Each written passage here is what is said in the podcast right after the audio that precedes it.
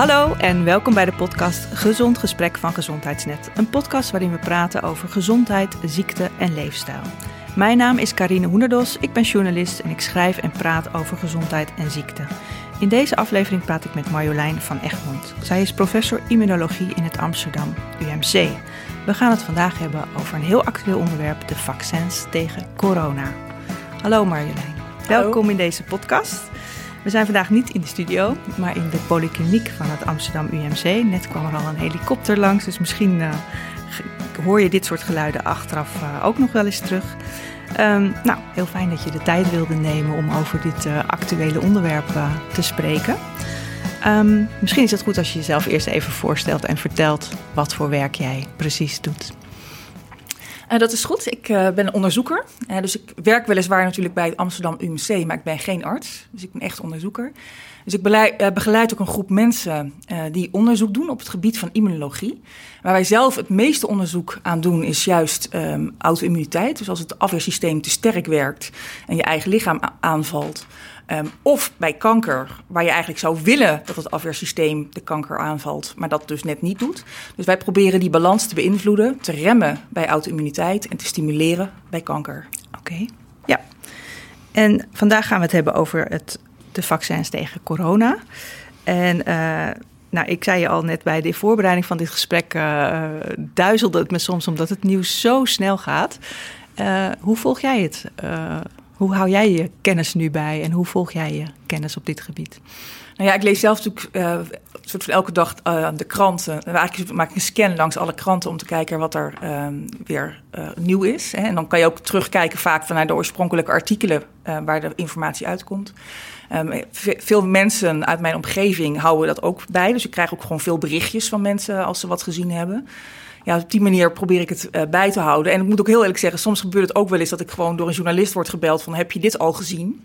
En dan hebben zij al iets vijf minuten daarvoor op een iets langs zien komen en dan heb ik dat nog niet gezien. Ja. Maar goed, dan weet ik het ook weer. Ja, precies. Ja. Want het gaat echt snel. Hè? Het gaat razendsnel. Ja. ja. ja. Laten we in dit gesprek maar eens echt met de, de basis beginnen. En uh, kun je ons uitleggen hoe werkt een vaccin eigenlijk? En... Ja, dat kan. Ja. Uh, het principe achter alle vaccins is hetzelfde. En uh, dat is het afweersysteem kennis laten maken met een ziekteverwekker. Dat kan een virus zijn of een bacterie.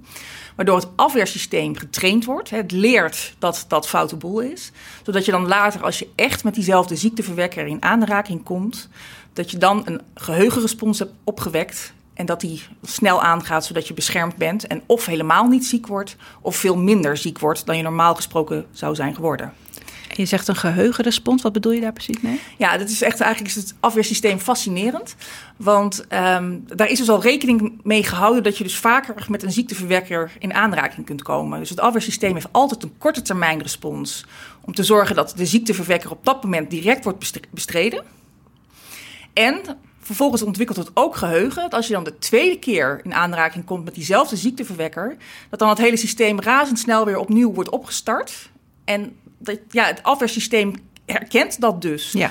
En dat is de geheugenrespons. Um, en dat is ja, echt fascinerend dat dat zo werkt. Ja, dus de inbreker die voor de tweede keer het huis binnenkomt en die herken je, die, uh, die uh, denk je, oh, oké, okay, hier moeten we snel uh, actie ja. ondernemen. Ja, en waarbij je dan de eerste keer nog inderdaad moet leren van oké, okay, dat is slecht. Maar bij de tweede keer herken je dat direct en je denkt, hup, weg ermee. Ja, ja. oké. Okay.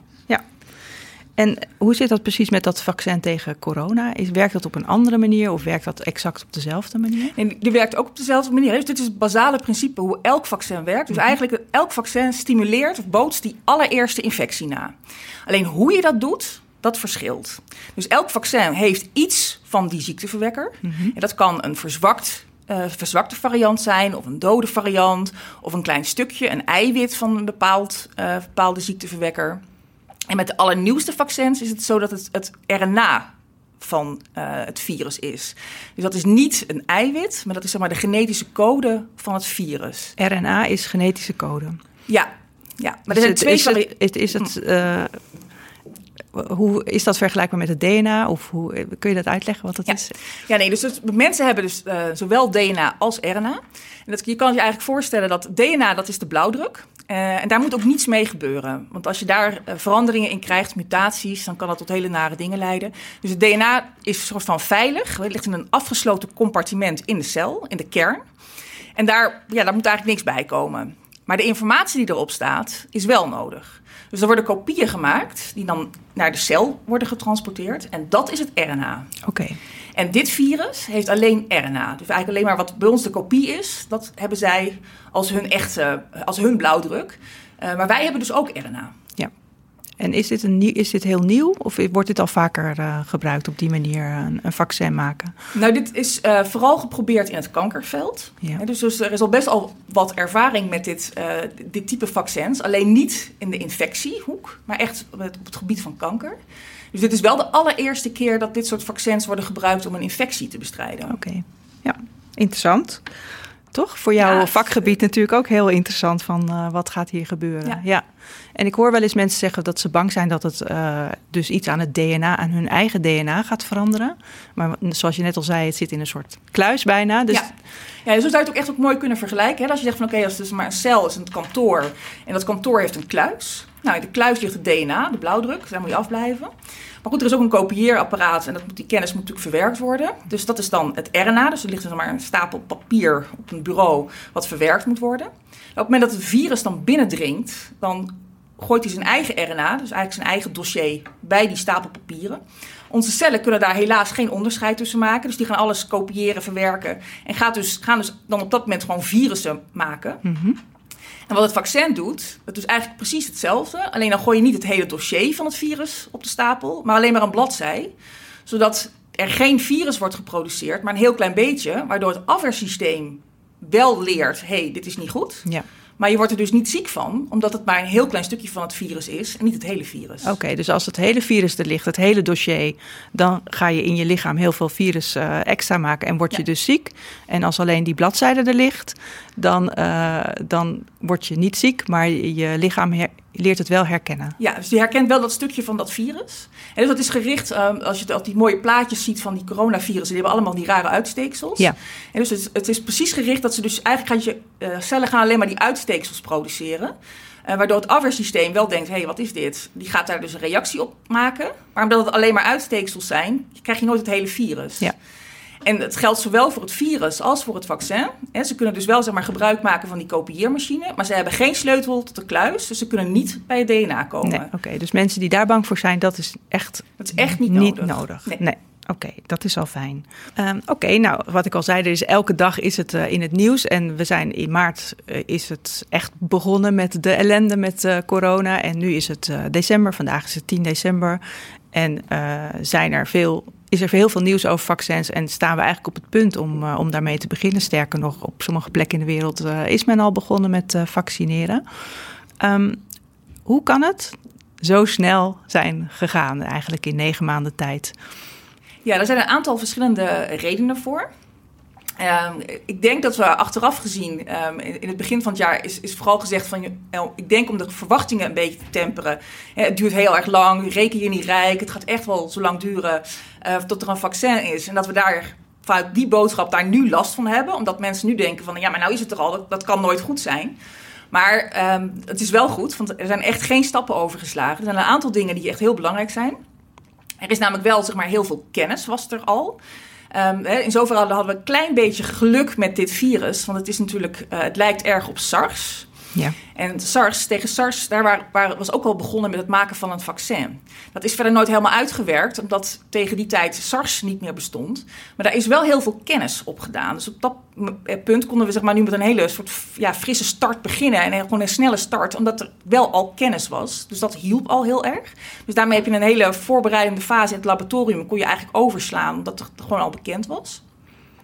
Ja, en een aantal andere dingen, en dat is eigenlijk wel een beetje cru, is dat tot corona hadden wij in de westerse wereld uh, eigenlijk helemaal geen problemen met infectieziektes. En dat was het echt een probleem van de derde wereld. Ja, en dan is het toch een beetje van, ja, ga je daar dan als bedrijf of als, hè, als, als universiteit of, of als westerse wereld daar heel veel tijd en energie en geld in stoppen om een probleem op te lossen wat niet ons eigen probleem is. Hmm. En wat er natuurlijk nu is gebeurd, je denkt van, ja, maar nu is het opeens wel ons probleem geworden.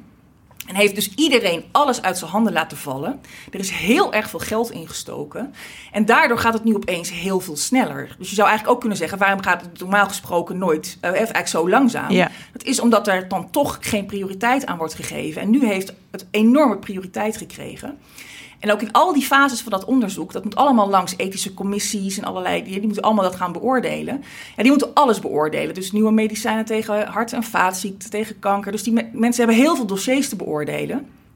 Dus er normaal gesproken altijd heel veel wachttijd op.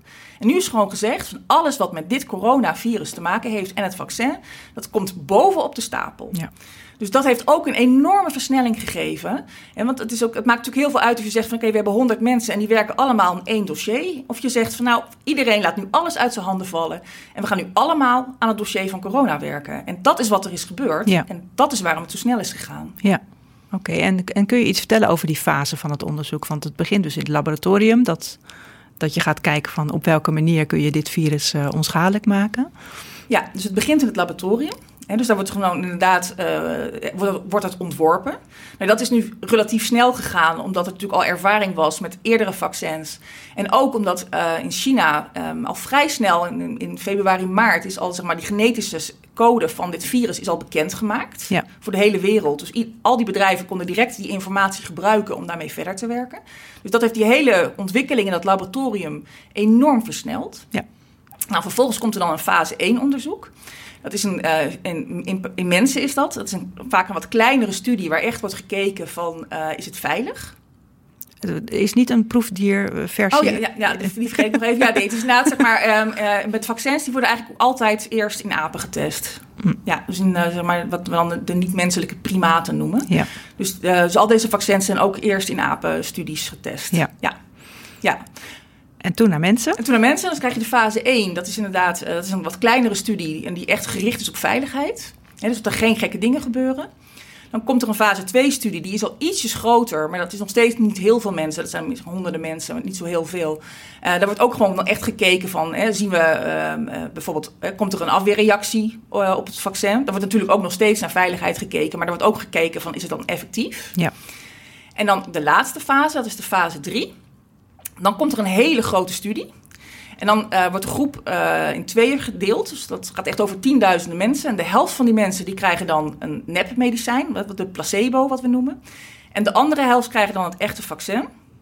En dan is het gewoon uh, wachten en kijken wat er met die mensen gebeurt. Dus ook daar wordt weer heel erg gekeken op de veiligheid. Maar er wordt ook gekeken van, worden deze mensen nou ziek van het virus, ja of nee? Ja. En wat dat betreft is het natuurlijk ook een voordeel dat we in een pandemie zitten. Dat ging natuurlijk ook wat sneller dan. Uh... Ja. Ja, want normaal gesproken moet je dus heel lang wachten tot je dus al die mensen uh, ja, blootgesteld hebt. Ja. Gevonden. En inderdaad, dat ze blootgesteld zijn aan dat virus. Of, en, uh, en in dit geval is het zo van ja, met name natuurlijk in gebieden als in Amerika, in Brazilië.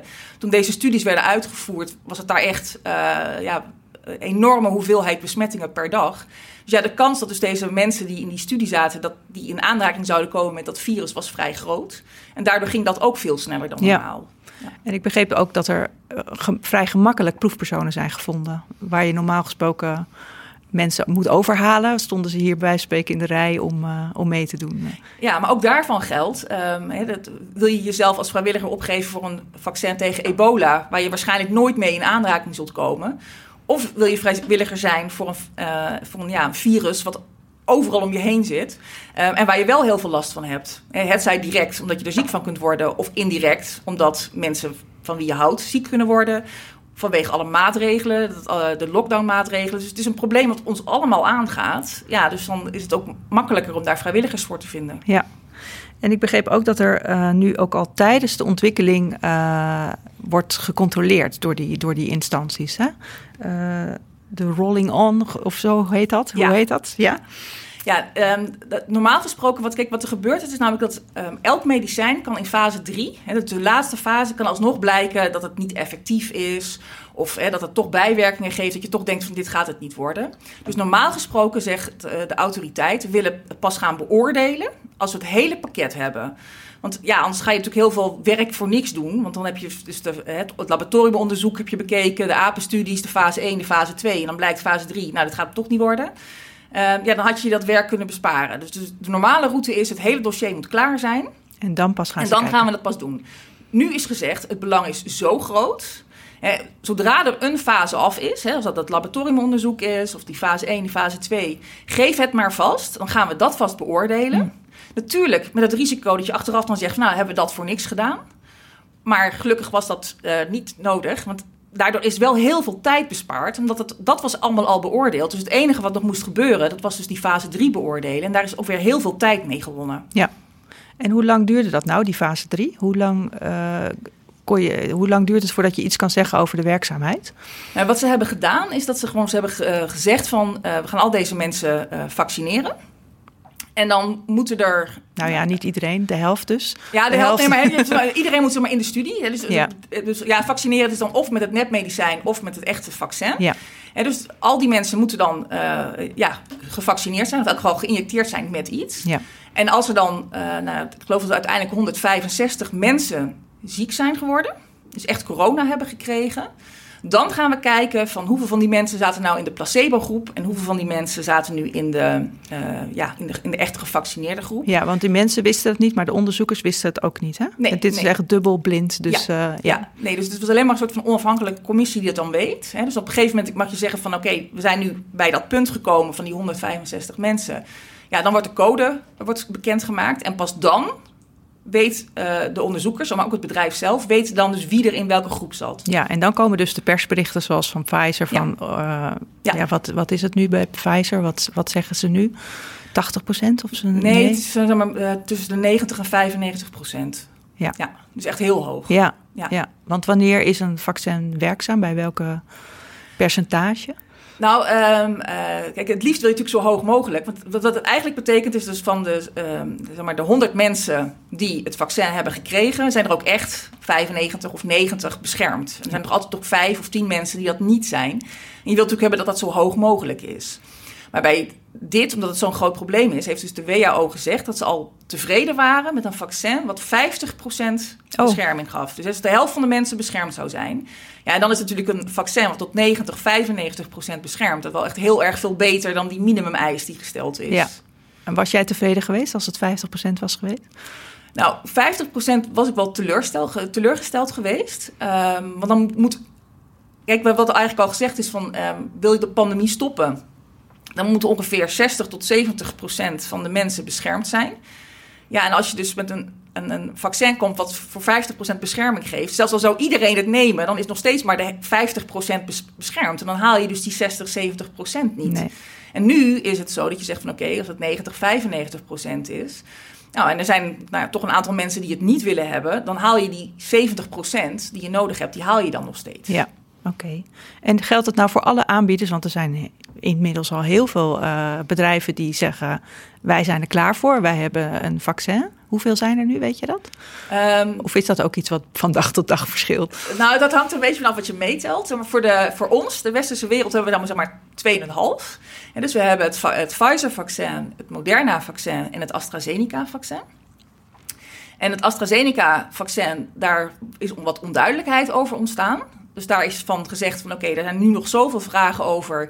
Eh, dat kunnen we nou nog niet zeg maar gaan goedkeuren. Dus daar moet nog echt meer eh, onderzoek naar gedaan worden. Dus dat, dat heeft nu iets vertraging opgelopen. Dus daar zijn ze natuurlijk nu heel druk mee bezig. Dus dat zal ook vast wel over twee maanden, drie maanden zal dat ook gaan komen. Maar goed, die zit dus nog een beetje in de pipeline. En wat, wat, wa- wat voor onduidelijkheden waren dat?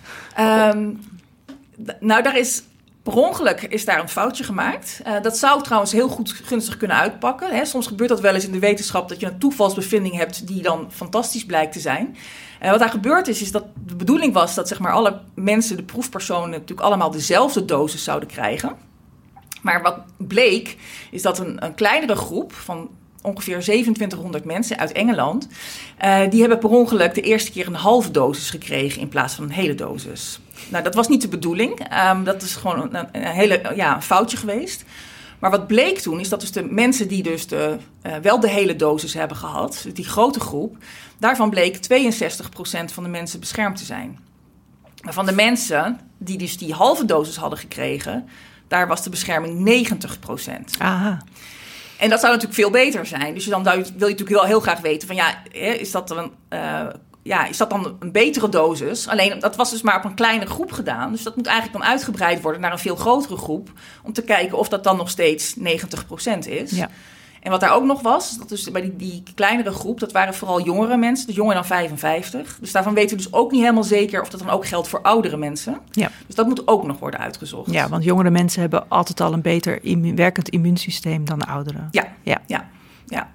Maar goed, we hebben dus ook het Moderna-vaccin. dat is ook zo'n RNA-vaccin. Dus het is eigenlijk vergelijkbaar met het Pfizer-vaccin. Dat geeft ook ongeveer 90 tot 95 procent bescherming. Dus dat is allemaal heel vergelijkbaar. Eh, het goede nieuws is dat die allebei, zowel het Pfizer als het Moderna-vaccin, geven bescherming bij ouderen. Dus dat is ook heel mooi. Dus dat zijn de vaccins die we nu al hebben. Ja. Of, die al heel ver zijn. En dan zijn er nog een aantal die zijn in fase 3. Dus ook in de laatste fase. Dus er zijn er nog drie andere die dus nu met die laatste fase bezig zijn. Dus daar, daar zullen ook de resultaten eh, natuurlijk binnenkort van komen. Wat zijn daar de, namen van of de fabrikanten? Ehm, de- van het is het Johnson Johnson vaccin, eh, CureVac en die laatste vergeet ik eigenlijk altijd. Ehm, dus dat weet ik niet. Die, Sorry, dat- fabrikant. Ja. Ja, die, die, weet ik, dat- die weet ik niet zeker. Nee. Ehm, en daarnaast zijn er nog een aantal vaccins eh, die in China en Rusland zijn ontwikkeld. Dus dat is de Sputnik 5 geloof ik. En ehm, ook in China, hebben prachtige namen. Eh, maar die vaccins die, eh, worden niet beschikbaar voor ons. Ehm, omdat daar is, kijk, ehm, bij de Europese Unie zijn de regels echt heel streng. En dus eh, een vaccin moet echt aan alle standaarden voldoen voordat het mag worden toegelaten. En dat betekent dat dus alle fases van onderzoek moeten zijn doorlopen. Dan moeten autoriteiten naar kijken en het controleren of het, of het allemaal klopt. En dan pas komt er goedkeuring. En in, zowel in China als in Rusland zijn ze begonnen met vaccineren voordat de fase 3-studie was afgerond. En daarmee voldoet het gewoon niet aan onze standaarden. Nee. En daarmee zal, zullen we, zal het ook niet beschikbaar komen voor onze, eh, ja, onze markt. En stel dat blijkt eh, dat ondanks dat ze dat onderzoek niet hebben afgerond, dat toch alle Russen eh, heel goed beschermd zijn. Zou dat een reden zijn om, om dan toch dat Russische vaccin binnen te sluizen? Want het is een soort fase 3 onderzoek live, eh, in, eh, in real life natuurlijk. Eh, nou ja, niet helemaal. Kijk, het fase 3 onderzoek is natuurlijk dat je vergelijkt twee groepen mensen, waarvan de Oh ja. ene het wel krijgt en de ander niet. En Ja. dit is natuurlijk, daar, zit dan dus geen controlegroep op. Ze zijn natuurlijk nog wel bezig met die studies. Maar ja, toch is dat dan zeg maar, ja, voorlopig in elk geval voldoet het niet aan onze standaarden.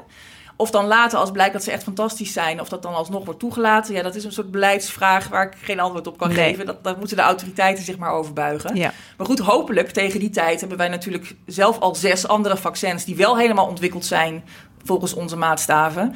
Dus ja, dan is het misschien ook helemaal niet nodig. Oké. Ehm, dus die ontwikkeling is, is heel snel gegaan. En zijn eigenlijk al die vaccins op datzelfde principe, al die vaccins die nu in de pijplijn zijn, zijn die op datzelfde principe van dat RNA? Nee, nee drie van de zes eh, maken gebruik van RNA. Mhm.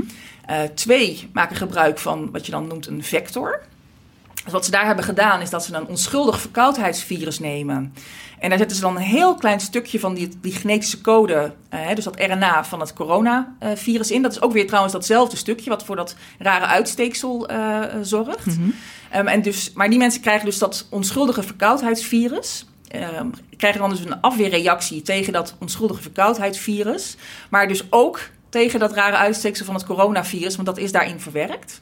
En het verschil daarvan is dat het ene vaccin maakt dan gebruik van een eh, onschuldig menselijk verkoudheidsvirus en het andere is een onschuldig chimpansee verkoudheidsvirus. En wat is de ene en wat is de ander? Ehm, moet ik even goed herinneren, volgens mij is de AstraZeneca is volgens mij de, dus het Oxford-vaccin, dat is de chimpansee. Oké, Ja. en die maakt dus gebruik van dat vector, van die ja, dus het is een onschuldig Ja. verkoudheidsvirus eh, van een chimpansee, waar dan een heel klein stukje van het coronavirus is ingebouwd. Ja. ja. Oké. En dan is er nog één vaccin. Ehm, en dat, daar, daar maken ze gewoon gebruik van, dus, eh, ook weer dat uitsteeksel, maar daar maken ze gebruik van dat eh, eiwit. Van dat, dus dan gebruiken ze gewoon het eiwit zelf. Dat uitsteeksel gebruiken ze als een vaccin. Oh ja. En wat, waar, zet jij, waar zet jij je pijlen of je, je geld op? Eh, op welke techniek?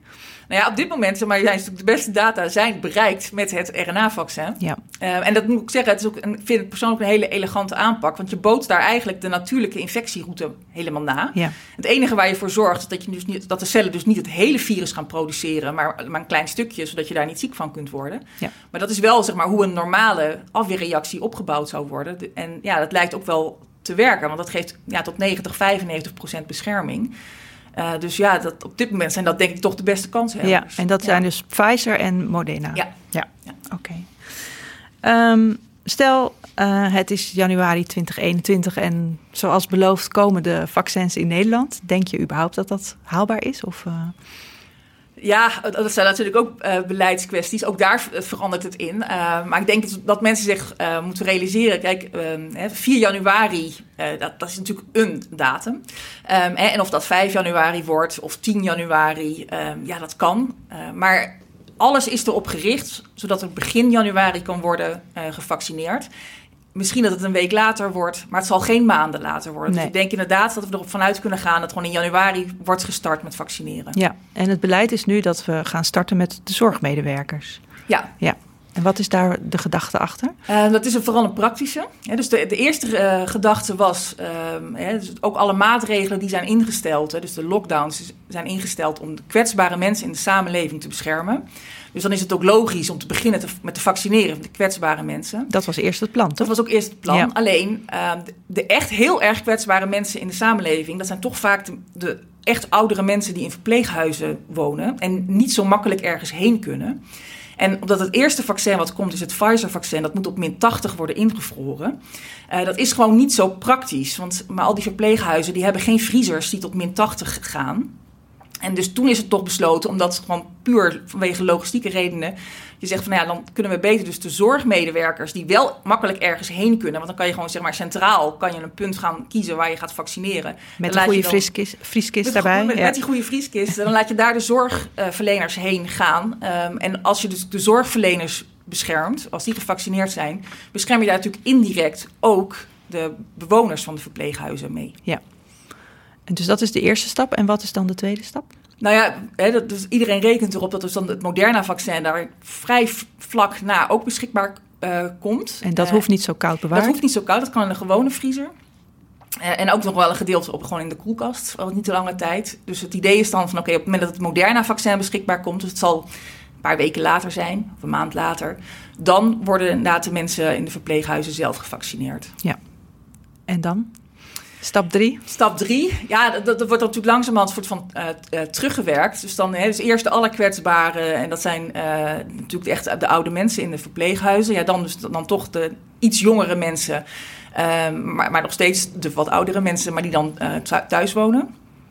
Um, ook jongere mensen die problemen hebben, hè, dus die al bijvoorbeeld diabetes hebben, echt gewoon kwetsbare mensen, of die al longproblemen hebben ja, pas helemaal aan het eind komen dan de echte gezonde jongere mensen. Dus dat, dat, ja, die moeten nog wel even wachten totdat ze zeg maar in aanmerking komen, tot ze gevaccineerd worden. Ja. Dus we gaan van, van kwetsbaar naar uh, ja. uiteindelijk. En ja. uh, kinderen en jongeren? Nou, daar is eigenlijk nog helemaal niets over gezegd. Um, je kunt je afvragen of het nodig is om kinderen te vaccineren. Want kinderen hebben ook heel erg weinig last van het, uh, van het virus. En lijken ook niet uh, heel erg bij te dragen aan de verspreiding. Uh, voor tieners en, en, ja, wat, ja, is dat net weer wat anders. Want die kunnen misschien wel bijdragen aan de verspreiding. Maar goed, ook zij hebben relatief weinig last van het virus. Dus ja, zij zullen wel de laatste zijn, zeg maar, die gevaccineerd zullen worden. Dus die zullen wel helemaal achter in de rij staan. Ja. En um, zwangere vrouwen of vrouwen die borstvoeding geven? Ja, daar, daar is weinig over bekend. Ja. Dus daarvan is gezegd van, uh, ja, uh, hè, zeker, uh, ja, het punt is, hè, dus, in zo'n studie, ehm, daar zitten gewoon vaak geen zwangere vrouwen in. Dus dan wordt gewoon gezegd, voor het zekere voor het onzekere, van we weten niet wat het effect is. Dus dat is eigenlijk vrij standaard bij alle medicijnen. Dat, op dat moment wordt gewoon gezegd van ja, weet je, doe het maar niet. Want we weten niet wat het effect is. Dat wil niet zeggen dat er effect is. Maar, het is we gewoon niet het getest. Niet. Het is gewoon niet getest. Dus daarom is ook een, een, advies uitgegaan van ja, als je gevaccineerd bent, wordt dan de eerstkomende twee maanden ook niet zwanger. Dat is precies dezelfde reden. Hè. We weten eigenlijk helemaal niet of dat überhaupt kwaad kan. Mogelijk maakt het helemaal niets uit. Maar we weten het gewoon niet, dus neem maar het zekere voor het onzekere. Ja, en dat geldt ook voor borstvoeding, begreep ik? Dat geldt ook voor ja. borstvoeding. Dat is precies dezelfde overweging. We weten gewoon niet wat het effect is. En mogelijk is er helemaal geen effect. Maar ja, waarom zou je het risico nemen? Ja, dus als je dan uh, bent ingeënt en je geeft borstvoeding... dan is het advies nu om twee maanden niet borstvoeding te geven... of om jezelf niet laten, te laten inenten als je borstvoeding geeft. Toch? Ja, ja. ja. Uh, maar dat is dus alleen maar een soort van voorzorgsmaatregel, omdat het gewoon niet getest is. Dus dat, we kunnen daar eigenlijk geen uitspraak over doen. Ja. En uh, nu was onlangs in het nieuws dat er een paar mensen zijn. Uh, uh, die kregen al de vaccinatie en die kregen heel erg allergische reactie. Ja. Um, wat gebeurde daar? ja, kijk, mensen kunnen allergisch zijn tegen van alles en nog wat. Dus ook tegen een vaccin. En dat is trouwens niet alleen voor deze vaccins, maar dat geldt ook voor alle andere vaccins. Het zijn hele zeldzame bijwerkingen. Um, en dat kan gebeuren. Hè. Mensen kunnen ook bijvoorbeeld allergisch zijn voor antibiotica of voor uh, andere medicijnen. Of, voor pinda's, of van alles uh, kan dat gebeuren. Dus ja, op het moment dat je dus heel erg veel mensen gaat vaccineren, ja, dan is het uh, bijna te voorspellen dat daar ook een paar mensen tussen zullen zitten die daar allergisch voor zijn. Ja. En ja, dat is heel vervelend als dat gebeurt. Het is gelukkig wel zo dat het meestal vrij direct na vaccinatie gebeurt. Dus je kan direct gaan ingrijpen, want je ziet, het is vrij duidelijk als het gebeurt. Um, het is ook natuurlijk mensen die al van zichzelf weten dat ze eerder een allergische reactie hebben gehad. Op ja, dat was in dit geval ook. Hè? Ja. Dit waren mensen die al een, uh, Ja. een geschiedenis hadden en zelfs al een, een, uh, zo'n pen bij zich hadden Ja. om zich te kunnen injecteren bij allergische reacties. Ja, dus er zijn echt- mensen die echt last hebben van eh, heel erg allergische reacties. En dat, dat, dat is niet, komt gelukkig niet zo heel vaak voor.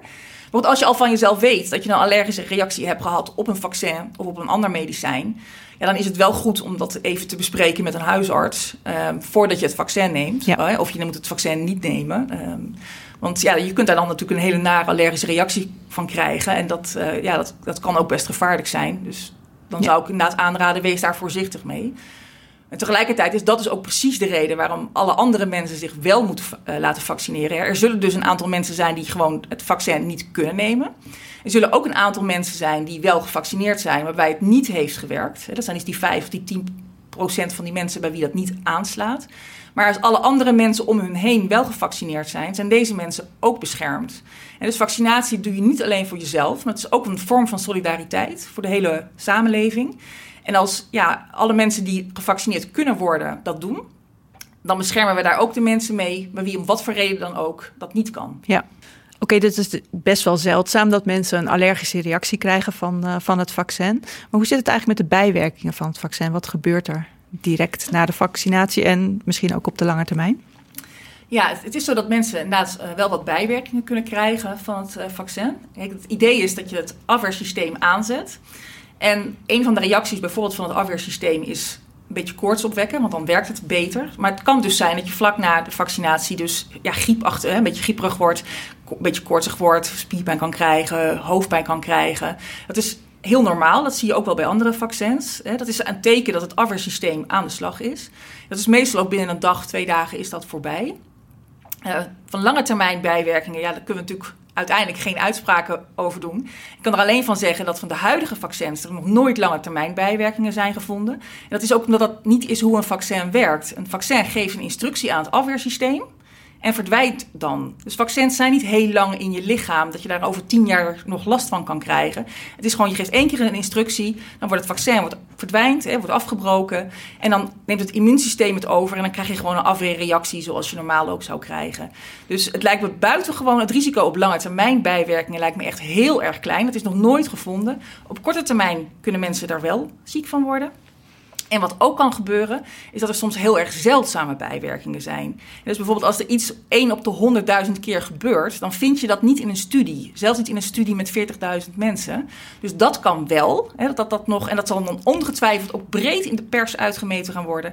Maar ik denk dat mensen dat ook wel in het juiste perspectief moeten zien. Ja, want je vindt het niet in een studie, maar als wij iedereen gaan vaccineren, of bijna Ja. iedereen, dan gaan we dat wel Dan vinden. gaan we dat vinden. Ja. Uh, maar goed, dat, dat zal dus een hele kleine kans zijn. In, in, in ver, vergelijk, uh, vorig jaar is 1 op de 800 Nederlanders hebben zwaar letsel gekregen als gevolg van een, uh, een verkeersongeval. Voor de meeste mensen is dat ook geen argument om nooit meer in de auto te stappen. Um, en we weten in elk geval, hè, dus uh, die vaccins zijn al in een studieverband aan meer dan 40.000 mensen gegeven. Daar zijn deze bijwerkingen niet gevonden. Um, er is nu, wordt er in Engeland gevaccineerd. Daar zijn nu bij twee mensen allergische reacties gevonden. Dus het is echt allemaal heel zeldzaam. Uh, maar goed, het kan gebeuren. Maar laat je dan dus niet van de wijs brengen of van paniek. De kans is echt heel erg klein. Ja, nou duidelijk. En dit is eigenlijk hetzelfde verhaal als wat ook geldt voor ziektes als mazelen en uh, andere. Ja. Ja. ja. ja. dat is dus ook, zeg maar, dat, is, dat noemen we dus de groepsbescherming. Om het iedereen, of er zoveel mogelijk mensen zijn gevaccineerd. Er zijn ook de mensen uh, die er, waarbij dat dus niet gelukt is, of, of om wat voor reden dat niet kon, zijn ook beschermd. Ja. En hoe sta je daar tegenover als mensen zeggen van ja, ik, ik vind het eng, deze vaccinatie, of ik, ik sta er niet achter? Wat, wat zeg jij dan? Ik, ik neem aan dat je deze discussie heel vaak voert uh, tegenwoordig. Ja, ja nou, dat, um, uh, kijk, ik begrijp, zeg maar, ik begrijp heel goed waarom mensen zich nu een aantal dingen afvragen. En er is gezegd van ja, reken je niet rijk, het duurt allemaal heel lang. En vervolgens, hup, binnen een jaar is het er. Uh, er wordt gezegd van oh, het is een nieuw vaccin, een genetisch vaccin. Um, het klinkt eng. dus ik begrijp heel goed dat mensen dan toch denken van hé, hey, hoe zit dat? Dus ik, wat ik dan, dat, dat, probeer ik ook te doen, is mensen uit te leggen hoe het gegaan is. Um, waarom er geen stappen zijn overgeslagen. Uh, waarom het inderdaad het feit dat het een genetisch vaccin is, uh, dat, hè, dat dat niet het DNA kan veranderen. Um, en dat je op die manier probeert zorgen weg te nemen van mensen. En ik moet ook zeggen, dat, dat lukt ook best heel aardig. Hè? Als je gewoon de tijd neemt om mensen uit te leggen hoe het zit. Ja, dan, dan scheelt dat zorgen. Dus ik, ik begrijp dat heel goed. Ja, en dat mensen echt zeggen van ja, dat ze het vaccin niet willen nemen. Ja, iedereen heeft uiteindelijk natuurlijk het recht om zelf te beslissen uh, wat ze willen. Maar ik vind het zelf een hele mooie gedachte dat ik door mijzelf te vaccineren niet alleen mezelf bescherm, maar ook andere mensen, zoals bijvoorbeeld mijn ouders. En iedereen heeft wel mensen in uh, hun omgeving die ze zouden willen beschermen, ouders, opa en oma's. Ja, ik vind dat een mooie gedachte dat je dat uit solidariteit kan doen. Uh, dus ja, ik hoop dat andere mensen uh, ook dat gevoel hebben. En daarnaast is het ook nog zo van ja, uh, maar ja, als je natuurlijk, iedereen heeft heel erg veel last van die maatregelen. Ik, ik wil ook wel weer eens een keertje uit eten.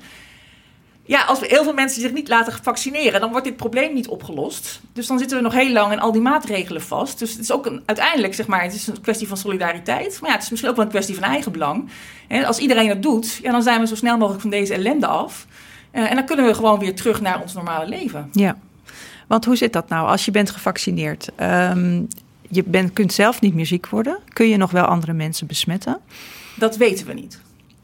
En dat is inderdaad een lastige uh, vraag. Maar dat geldt trouwens ook zeg maar, van als je dus maar het virus hebt gehad. Ja. Hè, dan, waarschijnlijk ben je dan de tweede keer uh, zeker. We weten ook niet hoe lang die bescherming duurt. Maar voorlopig ben je waarschijnlijk wel beschermd. Maar ook daarvan weten we niet of je dan niet besmettelijk kunt zijn. En dat komt omdat, zoals ik zeg, van het, het afweersysteem heeft dus die snelle actie om het virus op dat moment op te ruimen. En er komt een geheugenrespons. Dus op het moment dat je de tweede keer in aanraking komt, wordt dat systeem aangezet en krijg je weer een afweerreactie om dat te gaan bestrijden. Maar dat kost een paar dagen. Dus dat kost even tijd voordat het weer helemaal op gang is. Ja, je, bent of, dus niet zo, je wordt niet zo ziek, maar je, uh, het zit wel in je lichaam dan. Ja, en ja. we weten dus niet of je op dat moment besmettelijk bent. En of dus die paar dagen die nodig is om dus die hele reactie op gang te krijgen... of je in die paar dagen het virus kunt overdragen, dat weten we gewoon nog niet. En we weten dus ook niet dat als je gevaccineerd bent en je komt in aanraking met het virus, dan komt het virus wel in je lichaam. Ja, dat, dat is eigenlijk precies hetzelfde. hetzelfde ja. Het is hetzelfde principe. Hè? Dan is het ook van het afweersysteem herkent dat, zal in actie gaan komen. Maar dat kost een paar dagen voordat dat echt goed op stoom is. En of je dus in die paar dagen besmettelijk bent, dat weten we gewoon niet. Nee, en hoe gaan we daarachter komen? Uh, nou, uiteindelijk is het um, ja, ook op het moment dat er gevaccineerd wordt, uh, worden mensen altijd heel goed gevolgd. Hè? Dus het is nog steeds allerlei dingen worden in de gaten gehouden. Dat noemen we ook wel het fase 4 onderzoek. dus het zal ook in die tijd ook wel duidelijk worden. maar wat bijvoorbeeld bij het AstraZeneca-vaccin wel is gedaan, is dat ze ook die mensen hebben zichzelf regelmatig getest om te kijken of ze virus bij zich dragen. Um, hè, dat is natuurlijk ook een manier om te mhm. kijken van als je natuurlijk een aantal mensen die gevaccineerd zijn en je, elke week testen op het feit of ze er wel of geen virus bij zich dragen, kan je daar ook achter komen. Maar ja, dat is gewoon dat is veel werk en dat kost ook gewoon tijd. Dus daar, daar zijn nog geen uh, uitspraken over te doen of dat zo is. Nee. En wat verwacht jij? Of wanneer is deze kennis wel beschikbaar? En verwacht jij überhaupt dat mensen uh, andere mensen kunnen besmetten na een vaccinatie? Ja, dat valt gewoon niet te voorspellen. Nee. Het is echt een kwestie van onderzoeken. Um, we weten het gewoon niet. Nee. Dus dat is, uh, kijk, uh, dat is op zich bijzonder aan dit virus. Uh, dit virus kan zich dus ook al verspreiden door mensen die geen symptomen hebben. En dat was ook al wat we niet verwacht hadden. Want meestal is het zo dat pas op het moment dat mensen gaan hoesten of niezen, dat dat het moment is dat het verspreid wordt. En dit kan ook uh, verspreid worden door mensen die eigenlijk heel weinig symptomen of helemaal geen symptomen hebben. Um, dus dit, dat punt gedraagt dit virus zich dus wel anders dan wat we gewend zijn. Dus we kunnen daar echt dat, ja, dat is echt een kwestie van onderzoeken, want daar kunnen we gewoon niet voorspellen. Nee. Maar dat zal niet heel lang duren, toch, denk ik? Of ben ik nu te optimistisch? Omdat het zo wijd verspreid is in de maatschappij en omdat zoveel mensen zich hoop ik, gaan vaccineren. Ja, ik, ik denk dat we daar wel op een eh, relatief korte termijn achter kunnen komen. Als je gewoon ziet hoe deze ontwikkeling gaat, juist omdat het allemaal zo belangrijk is en het heeft prioriteit en iedereen kijkt ernaar en iedereen let erop. Uh, denk ik inderdaad dat zodra er veel mensen gevaccineerd zijn, dat dat uh, vrij snel duidelijk zal gaan worden of mensen wel of niet besmettelijk zijn. Ja. Maar is in de eerste periode zou ik zeker nog zeggen van ga er uh, op het moment dat je gevaccineerd bent, dan kan je er waarschijnlijk wel van uitgaan dat de grote kans is dat je zelf beschermd bent. Maar hou er rekening mee dat je besmettelijk bent. Dus hè, toch die anderhalve meter afstand houden. Toch de mondkapjes. Het is niet leuk, maar dit is wel hoe het is. En niet je oma of opa een knuffel geven? Nee, de, totdat we zeker weten dat je niet besmettelijk bent, zou ik dat voorlopig even voorzichtig mee zijn. En als oma en opa zijn gevaccineerd? Ja, uiteindelijk is het allemaal kansberekening. Uh, grote kans dat zij dus beschermd zijn. Maar goed, 5 tot 10 procent van de mensen zijn niet beschermd na vaccinatie. En je weet niet van tevoren wie dat zijn. Dus natuurlijk op een gegeven moment, als er natuurlijk steeds meer mensen gevaccineerd zijn, dan zal ook zeg maar, het, aantal besmettelijke mensen zal afnemen. Het virus zal langzaam gaan verdwijnen. Dus dat wordt natuurlijk op een gegeven moment allemaal weer steeds makkelijker. Maar in het begin zou ik daar echt nog even gewoon voorzichtig mee zijn, want we weten gewoon zoveel nog niet. Nee. En je zegt het virus zal langzaam gaan verdwijnen. Hoe kan dat dan?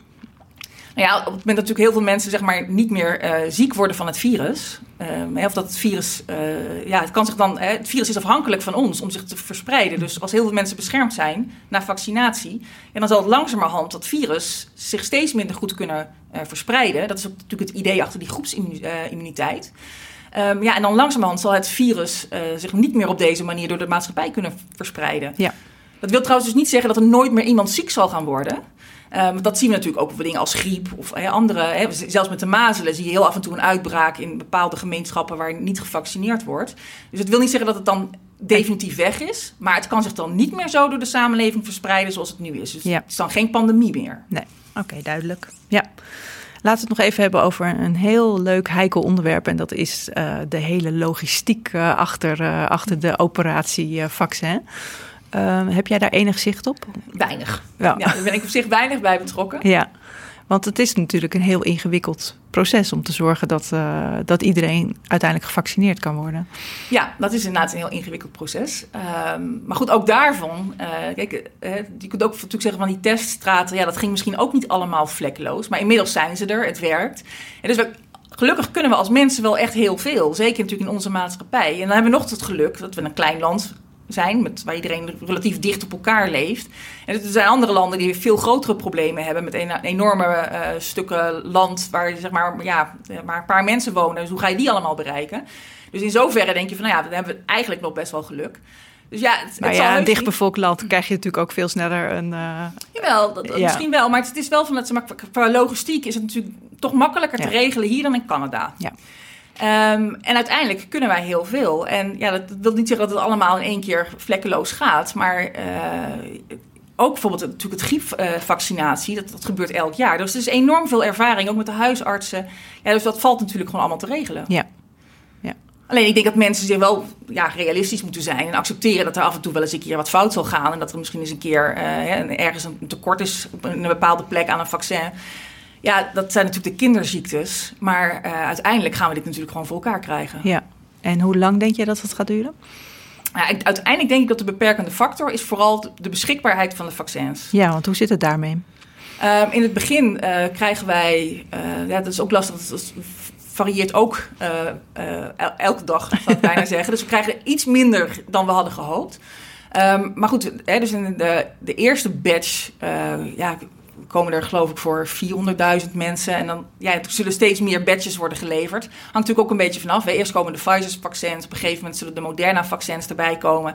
Ik ga er nog steeds van uit dat daar op een gegeven moment ook de AstraZeneca-vaccins bij gaan komen. En misschien nog wel de andere vaccins. Dus dan krijg je natuurlijk dat, dat, al, uh, ja, dat er veel meer komt. Uh, maar in het begin zal dat vooral de beperkende factor zijn. Dat je zegt van ja, de, de, de schaarste in het begin van de vaccins zal het tempo gaan bepalen. Maar ja, ik zie dan toch ook wel weer regelmatig bericht, berichten dat, dat toch wordt gedacht van ja, dat voor de zomer, of vlak na de zomer, toch wel de meeste mensen gevaccineerd zullen zijn. Dus ja, dat uiteindelijk, als je gewoon kijkt dat aan het begin van dit jaar we nog nooit van dit virus hadden gehoord en dat we waarschijnlijk over een half jaar allemaal gevaccineerd kunnen zijn, ja, is dat eigenlijk toch gewoon een wonder dat het allemaal gelukt is. Ja. Laten we ervan uitgaan dat het zo gebeurt. Uh, ja. Nou, tot nu toe, uh, juist omdat het zo belangrijk was, zie je gewoon van dat, dat ja, als iedereen dus zijn schouders eronder zet, dan, dan kunnen er heel veel dingen. Ja. En vind je dat er uh, meer, wij, zitten hier gezellig te praten over het vaccin, maar vind je dat er een, een campagne moet komen om mensen te gaan overtuigen om dit vaccin te nemen? Of denk je van nou, de cijfers zullen voor zich spreken? En... Ik denk zeker dat het een goed idee is als er een campagne gaat komen. Ehm, juist ook omdat je gewoon merkt van, van er is gewoon uh, zorg over dit vaccin. En uh, ja, dat, die, die onrust moet weggenomen worden. Want he, er, is, er, ik begrijp de zorg heel goed. Maar er is geen reden tot zorg. En dat moeten we uitleggen. En, en, en, moeten we ook gewoon uitleggen waarom er geen reden tot zorg is. Gewoon de opmerking van, ja jongens, hè, vertrouw ons dan maar, er is geen reden tot zorg. Dat is niet goed genoeg. Dus we moeten echt uitleggen van hoe deze ontwikkeling is gegaan. Waarom het wel veilig is, waarom wel alle stappen zijn genomen. En um, ja, daar, daar moet gewoon een campagne voor komen. Ja. Jij vindt dus dat er een, uh, een, media, een grote mediacampagne moet komen om die vaccinaties uh, te promoten en uh, om vooral uit te leggen hoe het werkt. Wat zou voor jou de insteek zijn van zo'n campagne? Nou, ik denk in de eerste plaats dat het belangrijk is dat mensen zich realiseren um, hoe erg infectieziektes kunnen zijn. En wij weten dat eigenlijk niet meer. Um, maar 100 jaar geleden gingen het gewoon de meeste mensen gingen dood aan infectieziektes, zoals tuberculose. En al die infectieziektes in een eeuw tijd is dat voor ons in de westerse wereld opgelost dankzij de uitvinding van de antibiotica en uitvinding van vaccins. Dus vaccins hebben werkelijk een enorme, uh, ja, uh, miljoenen levens gered. En dat zijn we een beetje vergeten, omdat we dus niet meer weten hoe erg het was om al die infectieziektes te krijgen. Dus, uh, dus het, vaccins zijn gewoon echt verschrikkelijk belangrijk. Daarmee hebben we polio onder controle gekregen. We hebben pokken zelfs de wereld uitgekregen. Uh, mazelen is onder controle gekomen. En er is geen enkele reden om te veronderstellen dat dat bij dit vaccin anders zou zijn. Maar we moeten het dus wel gaan nemen met z'n, met allen. Dus ja, dat zou de insteek zijn. Dus hè, zowel benadrukken hoe belangrijk vaccins zijn. En uitleggen dat deze vaccins echt helemaal goed uitgezocht zijn en dat ze gewoon veilig zijn. Oké, nou, laten we dat dan doen. Ja, ja. en dit is dan de aftrap, laten we zeggen, dit gesprek. Ja, zeker. Ja. Nou, als, als tot de, de laatste misschien flauwe vraag van... Uh, ga jij dit vaccin ook uh, nemen op het moment dat je het krijgt aangeboden? Absoluut. Ja. ja. Maar daar wil ik nog even de kanttekening bij plaatsen. Ik ben namelijk uh, nou ja, relatief jong en geen risicogroep. Dus ik sta helemaal achter in de rij. Dus ik zal pas echt opgelucht zijn als mijn ouders straks gevaccineerd zijn. Ja, ja. mooi. Dankjewel voor dit gesprek. Graag gedaan. Je luisterde naar Gezond Gesprek, een podcast van Gezondheidsnet, gepresenteerd door Carine Hoenedos met producer Jonne Seriezer. De tune is van de Yearlings. Kijk voor meer informatie over corona en het vaccin op www.gezondheidsnet.nl. Wil je reageren op deze uitzending? Via Twitter zijn we te bereiken via Van Carine en Gezond Nieuws. Abonneer je vooral ook op iTunes en laat daar een review achter, zodat andere mensen deze podcast ook kunnen vinden.